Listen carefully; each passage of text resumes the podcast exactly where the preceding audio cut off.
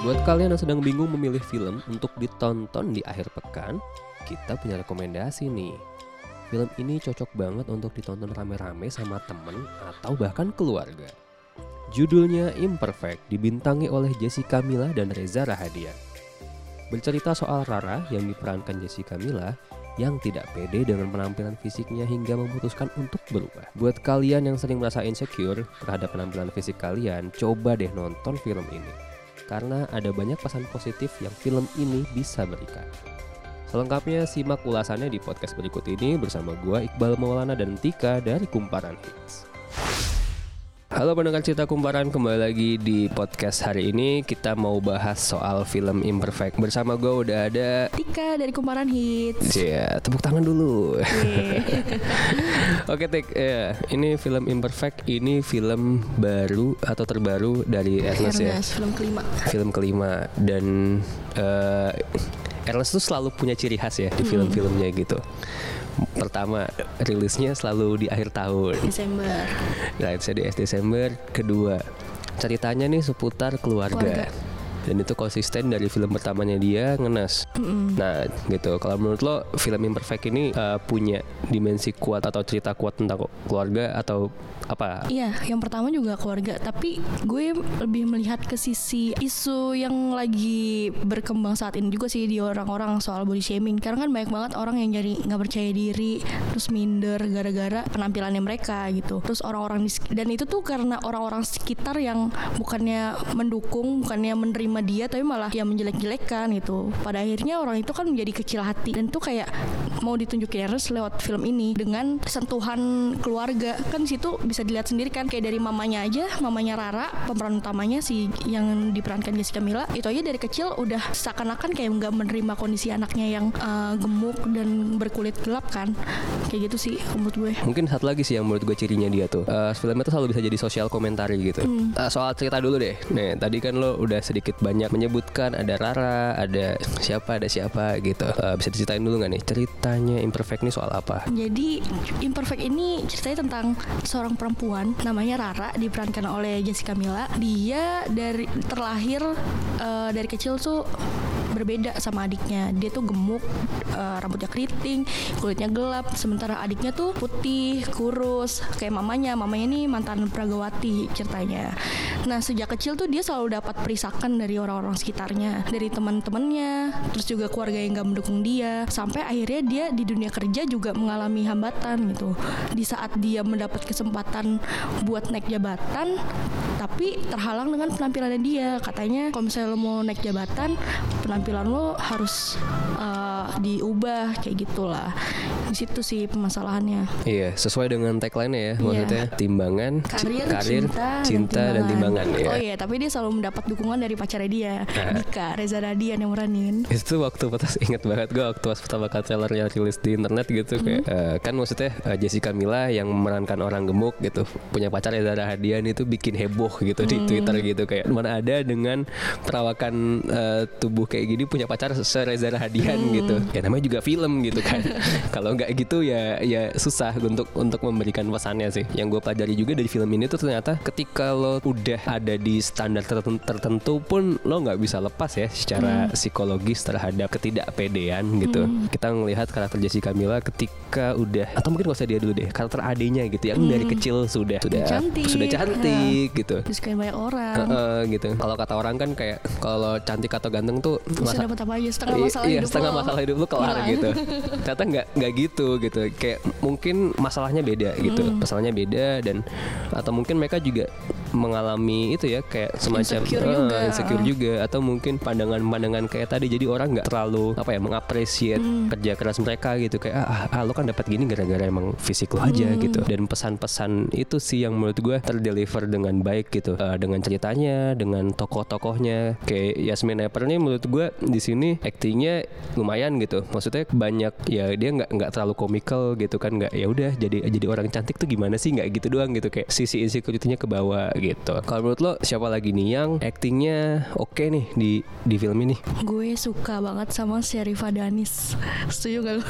Oke, Dia iya, iya. karakternya dapat banget. Karakternya menarik karena mungkin selama ini dia kebanyakan main film horor. Iya, soalnya dia jadi setan, serem. Nah di film ini tuh dia jadi sahabatnya Jessica Mila, sahabatnya Rara yang kayak ya udahlah lo nggak usah dengerin kata orang, lo ya kayak gini gitu. Gue tetap nerima lo kok jadi sahabat lo gitu. Terus karakternya kayak asik banget gitu gak sih dia?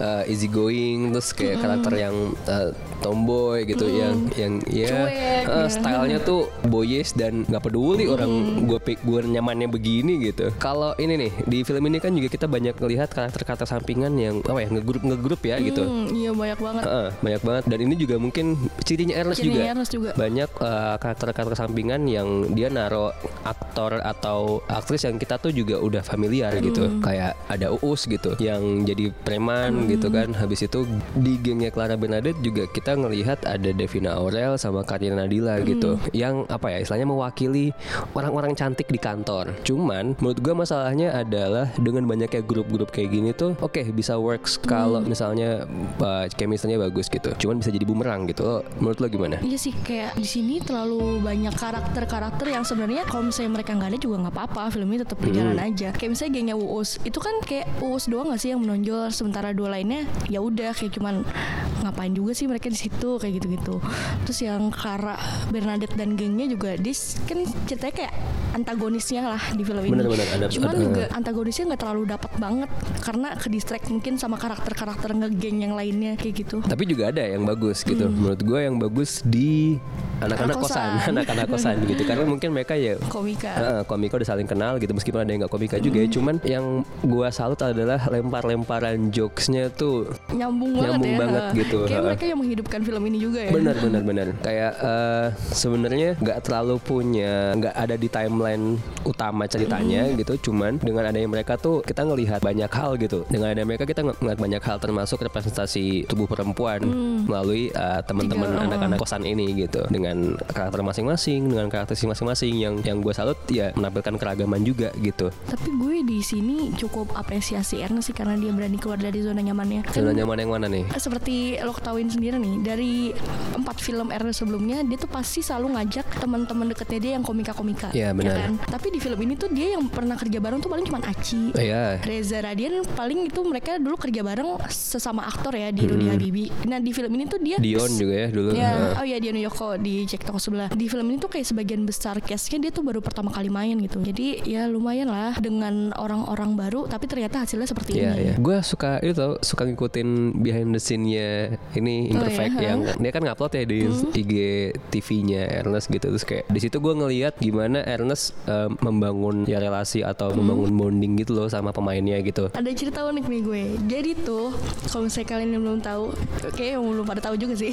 si karakter Rara ini yang bentukannya yang gemuk, kulitnya sawo matang dan rambutnya keriting ini, ini tuh ternyata kayak risetnya dari temen gue sendiri. Ada dia eh, salah seorang wartawan juga dan waktu itu tuh Ernest kayak bilang sama ke temen gue kayak gue mau bikin film nih imperfect tentang kayak gini gini gini. Nah dia tuh konsultasi sama temen gue sebenarnya kayak gimana sih masalah apa yang lo hadapi sampai ke angka-angka di timbangannya itu angka timbangan temen gue gitu.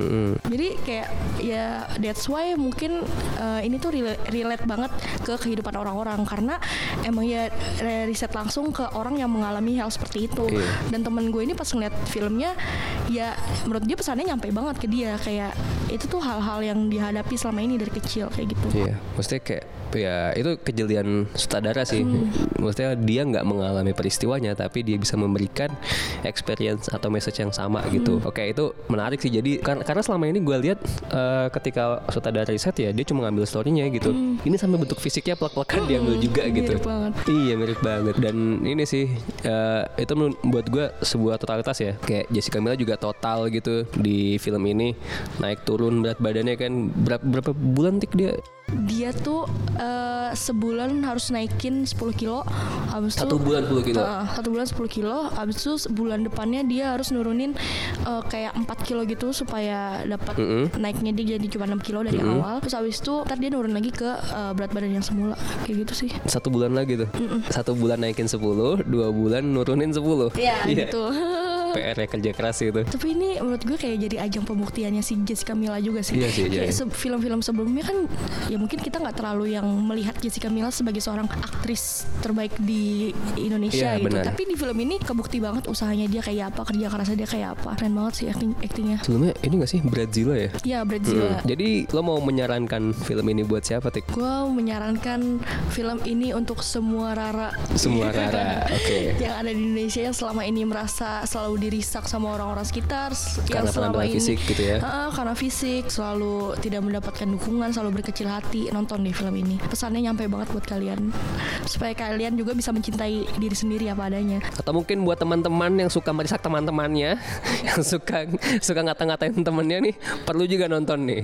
Karena kadang omongan yang kalian keluarkan itu dampaknya begitu besar gitu buat. betul. Ya mungkin kalian ketika ngomong juga nggak terlalu mikirin gitu. Dan nggak cuma diomongin langsung, kadang di online pun kadang kalian juga nggak apa kita nggak terlalu mikirin tapi berdampak besar buat orang lain gitu. betul. Dengan message message apa ya? Menurut gue juga itu sih yang kita lihat di sisi lainnya Hmm. gitu. Oke itu aja eh, dari gue. Thank you Tik udah mampir Iya, lagi di terima podcast kasih. kita kumparan. Terima kasih juga buat pendengar yang udah mendengarkan. Kita pamit dulu. Sampai Dah. jumpa.